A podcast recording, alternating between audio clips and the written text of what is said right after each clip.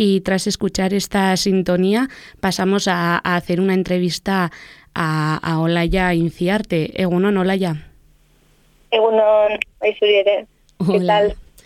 Eh, bueno, vamos a hablar un poco pues de, tu música, de, de ti también y, y bueno, eh, pues nada, pues en, en, noviembre del año pasado sacaste tu primer disco en, en solitario, ¿no? Lenengo Lipoticamburúa.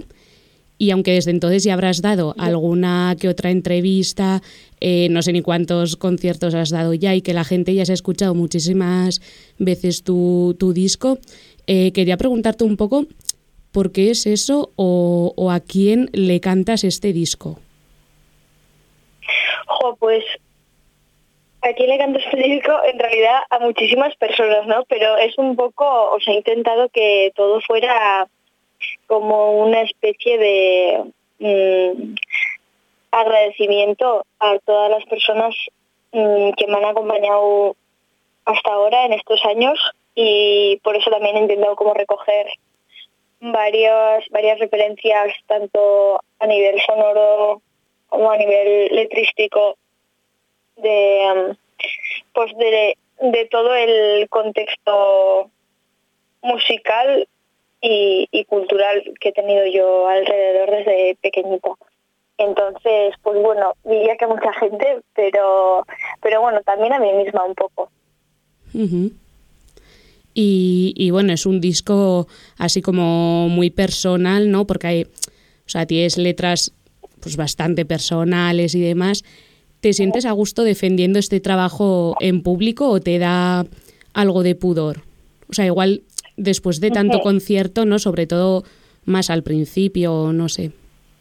Sí, bueno, me dio bastante vértigo a la hora de, de exponerlo en formato tanto digital como físico, eh, porque claro, tú a lo mejor cuando lo estás tocando en directo, pues estás simplemente disfrutando de ello, de ello. Yo por lo menos no suelo estar como muy eh, pendiente de, pues ni siquiera de las caras que pone la gente ni de las reacciones porque no directamente no miro a nadie y ya está.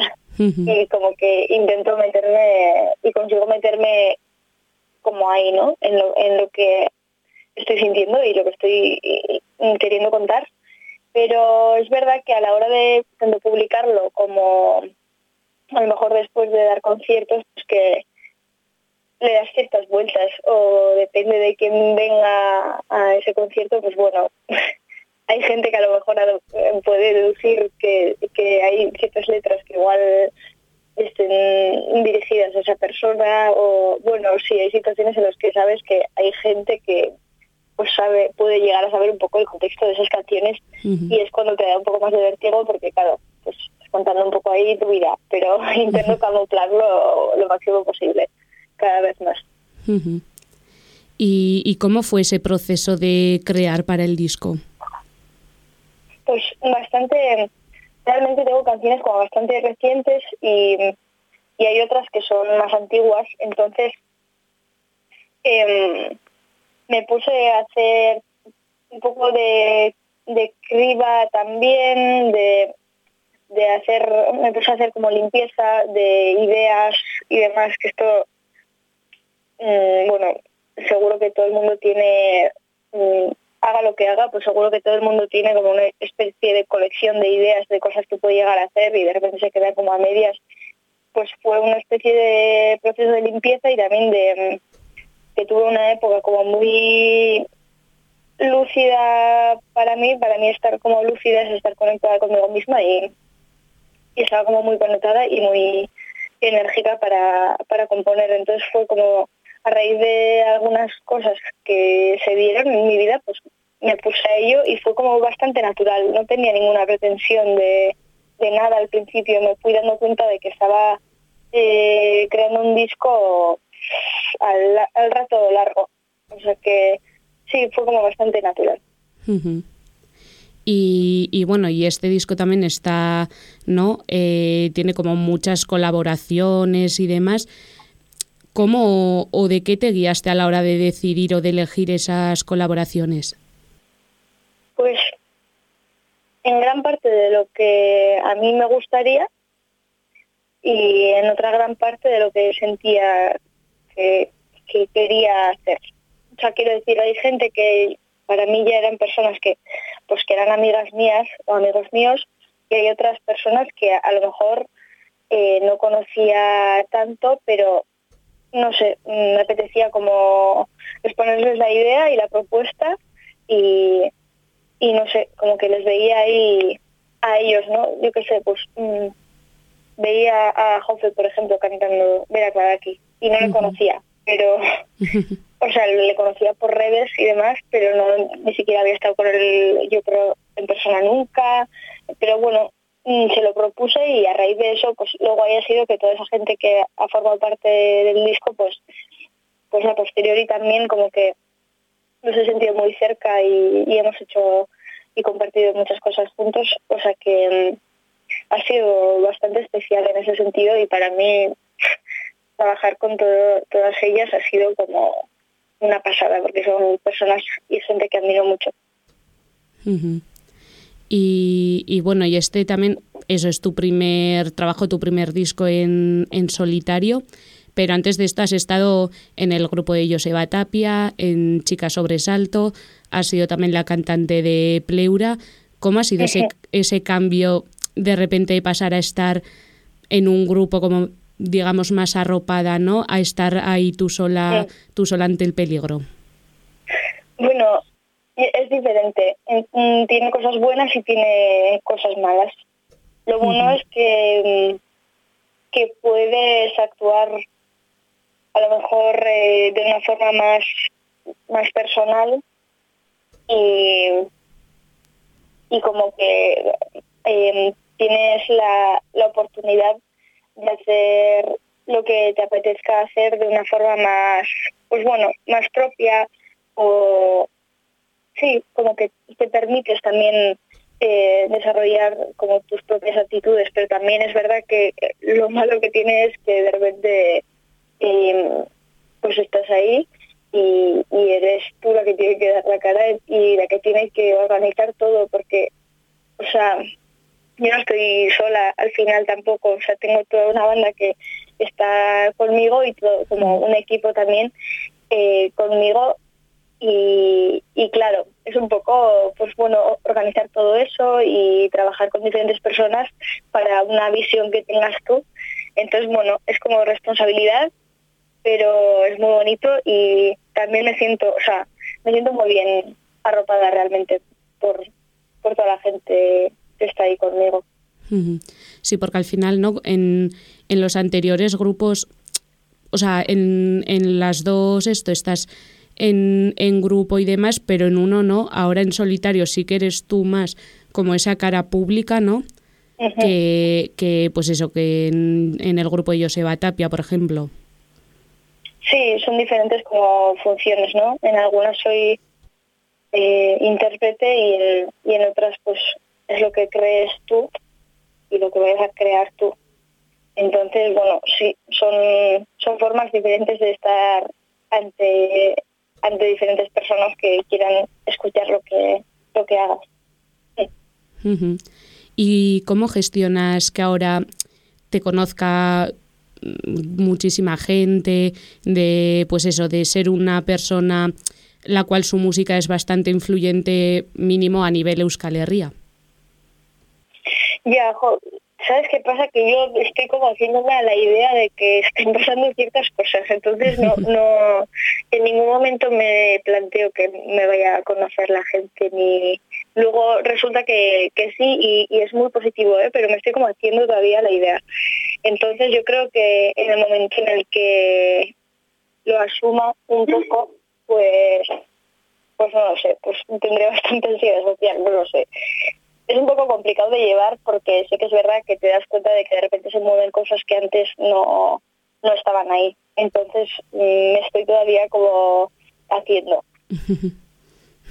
Y, y, claro, supongo también, bueno, no sé si, si te habrá pasado, ¿no? Pues eso de estar en un bar, en una chosna o, o donde sea, que suene una de tus canciones y que la mayoría de la gente se la sepa. ¿Cómo vives eso?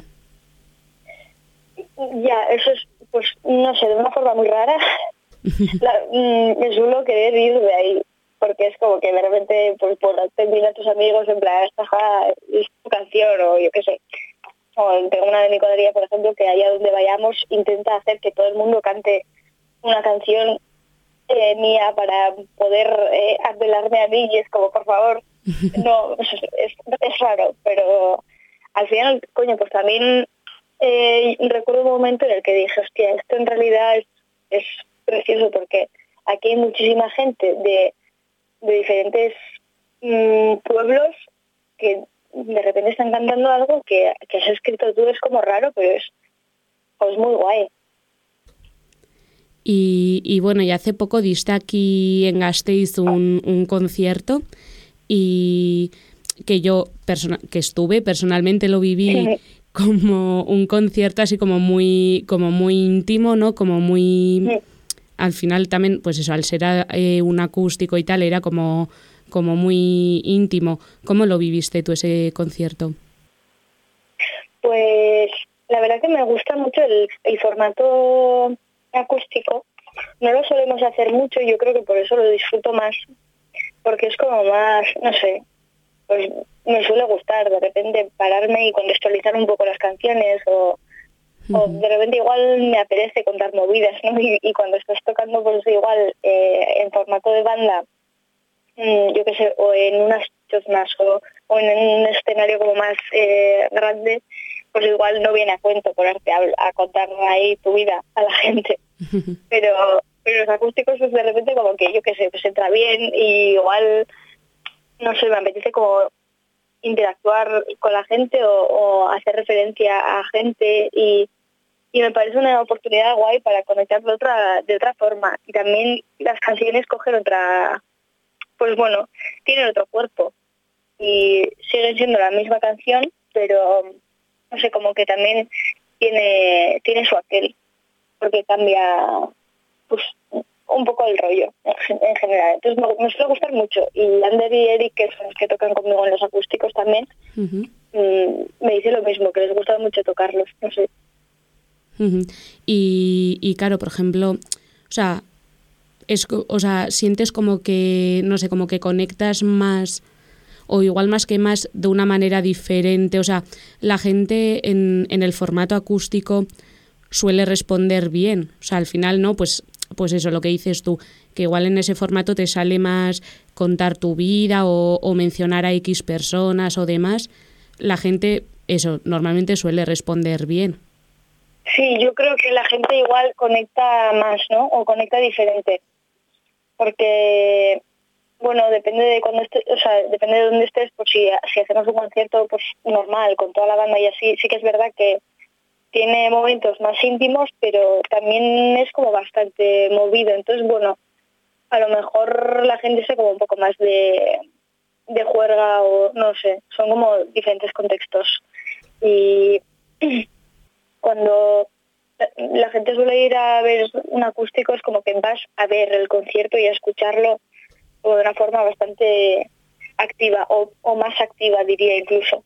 Entonces yo creo que, no sé, como que se responde muy bien en general, pero porque también van a, no sé, yo creo que van a eso. Yo por lo menos cuando voy a ver un concierto o, un, acústico lo vivo de una forma diferente, según de quién sea, también te digo que no. y y bueno, y al final, pues eso, andas también eh, dando conciertos sin parar, sobre todo también entiendo, ¿no? Ahora cara al verano y demás, que, que, que tendrás más conciertos y demás. ¿En qué espacio o, o dónde es donde tú más a gusto te, te sientes? Pues mm, no te sabría decir, porque claro, te diría que en casa, pero es que en casa también es como doble presión, o sea, quiero decir, en, zonas en las que pues tienen familiares y, amigos, es como que también existe cierta presión y te conoce como más gente de una forma más personal y entonces, no sé, pero me gusta mucho a la vez porque es como muy bonito hmm. mm, que esté pues la gente que, que te importa, ¿no? Y, o sea, quiero decir, la gente más cercana a ti. Pero Luego, eh, tocar fuera y que haya gente es liberador, pues que también tienes la duda de si va, de si va a haber alguien, en, yo que sé, en la otra punta de Vizcaya, pues hay veces que digo, estamos yendo mm, a tomar por saco, pues que yo creo que no va a venir nadie. Y luego resulta que igual sí, pero da como más vértigo. Entonces no te sabría decir. Yo creo que en un punto medio, que sea, no sé, que a mí me gusta mucho tocar en sitios en los que vayan a tocar otros grupos, porque me da, no sé, me da como seguridad y como que compartes cosas guays, no lo sé. Mm, te diría que algo intermedio de momento. Claro, pero luego también tampoco es lo mismo, ¿no? Eh, pues en un concierto, por ejemplo, que vas eh, con la banda y demás, tampoco será lo mismo tocar en una sala que en unas choznas, ¿no? Por ejemplo. Claro, ah, ya. O sea, lo guay, por ejemplo, a mí me encanta tocar en choznas por, por el ambiente que se suele crear y porque lo siento como muy cercano, como muy habitual, lo que, no sé, porque eh, no sé, siento que yo soy pues la que está viendo el concierto muchas veces, entonces mm, me gusta mucho el ambiente que se puede crear y, y porque al final pues, pues ese calor también se nota en el escenario, pero claro, por otra parte es verdad que eh, el sonido por dentro no suele ser como el mejor, por fuera no lo sé, pero por dentro pues es como más complicado luego es como mucho más aparatoso poder entrar al escenario y salir y no sé qué, y no tienes como un sitio la mayoría de, las veces, ¿eh? quiero decir, para estar tú mm. como un poco aparte de todo el barullo y así. Entonces como que suelo echar eso de menos. Ahora, si es en una sala, pues sí que tienes pues un, sitio para estar una, yo qué sé, pues, pues, para estar más tranqui o lo que sea, pero y el sonido pues es siempre mejor, mm, tienes más espacio para dejar las cosas, no sé qué, pero es verdad que luego el ambiente a lo mejor no es como que la gente va más de una forma mucho más directa a, verte a ti con tu grupo y es como más presión igual también, ¿no? Sí. Vale, pues, pues si te parece, Olaya, lo vamos a dejar aquí. Sí, perfecto. Vale, pues es que ricasco, Olaya. Que ricasco, Turi. Agur. Agur.